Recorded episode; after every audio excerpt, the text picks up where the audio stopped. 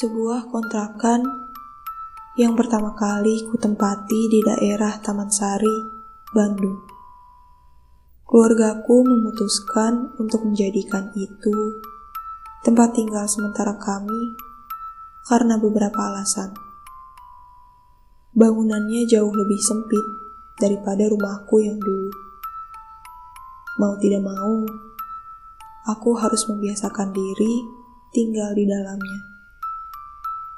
Butuh waktu kurang lebih dua tahun untuk bisa merasa nyaman tinggal di sana. Suatu hari, kakakku membawa pulang seekor anak kucing.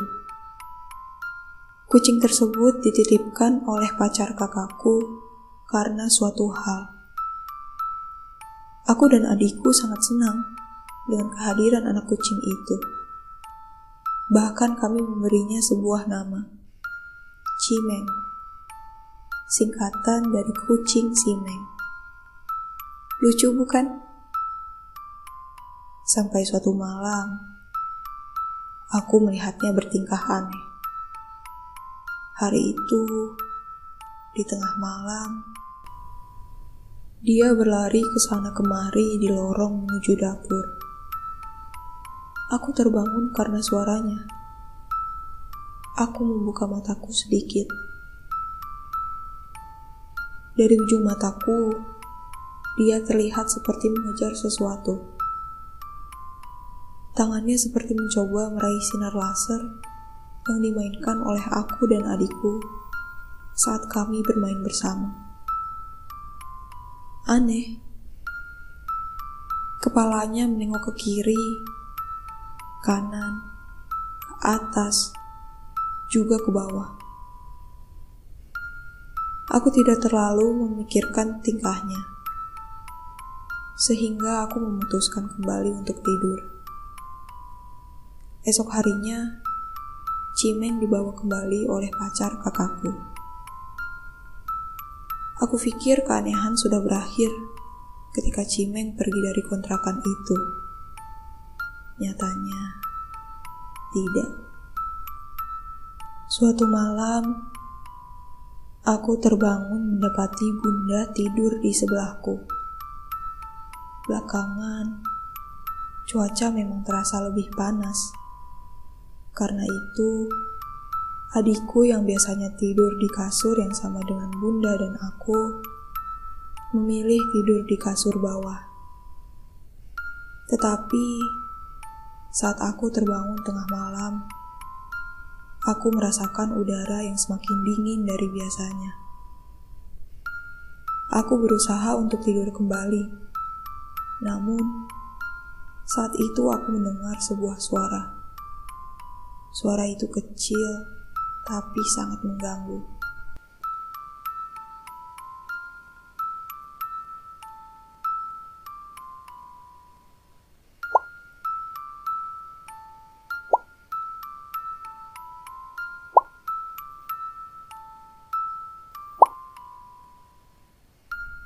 Aku pun duduk dan menajamkan pendengaran dan pandanganku, memutari ruangan kamar untuk mencari asal suara itu.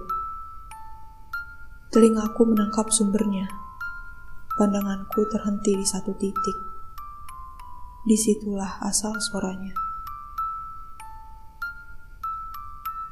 Di kamarku, ada rak gantung tempat kami menyimpan baju.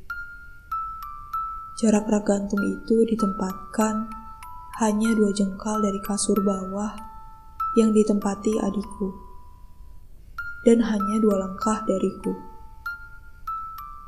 Setelah menemukan titik sumber suara itu, aku semakin menajamkan indera pendengaran dan penglihatanku.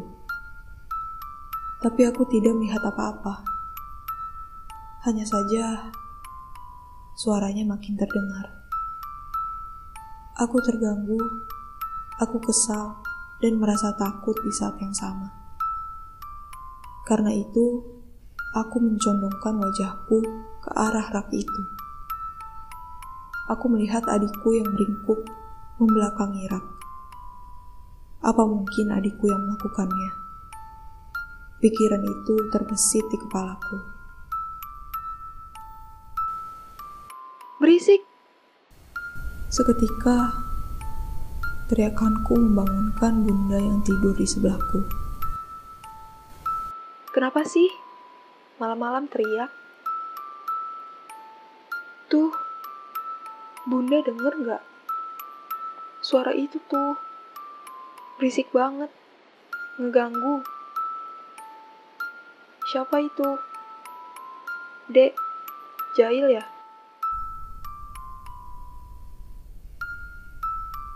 Aku memanggil adikku beberapa kali, bahkan membentaknya. Tapi adikku masih di posisi yang sama, meringkuk. Walaupun sulit, akhirnya malam itu aku berhasil melanjutkan tidurku. Esok paginya, saat kami semua berkumpul, adikku bilang bahwa bukan dia yang jahil bersuara aneh tengah malam tadi. Dan sebenarnya dia sangat sadar dengan yang terjadi. Tapi dia tidak bisa bergerak karena terlalu takut.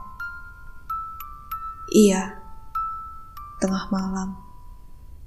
Orang macam apa yang bangun untuk menjahili orang lain dan bersuara seperti itu? Yang jelas, kami semua ketakutan.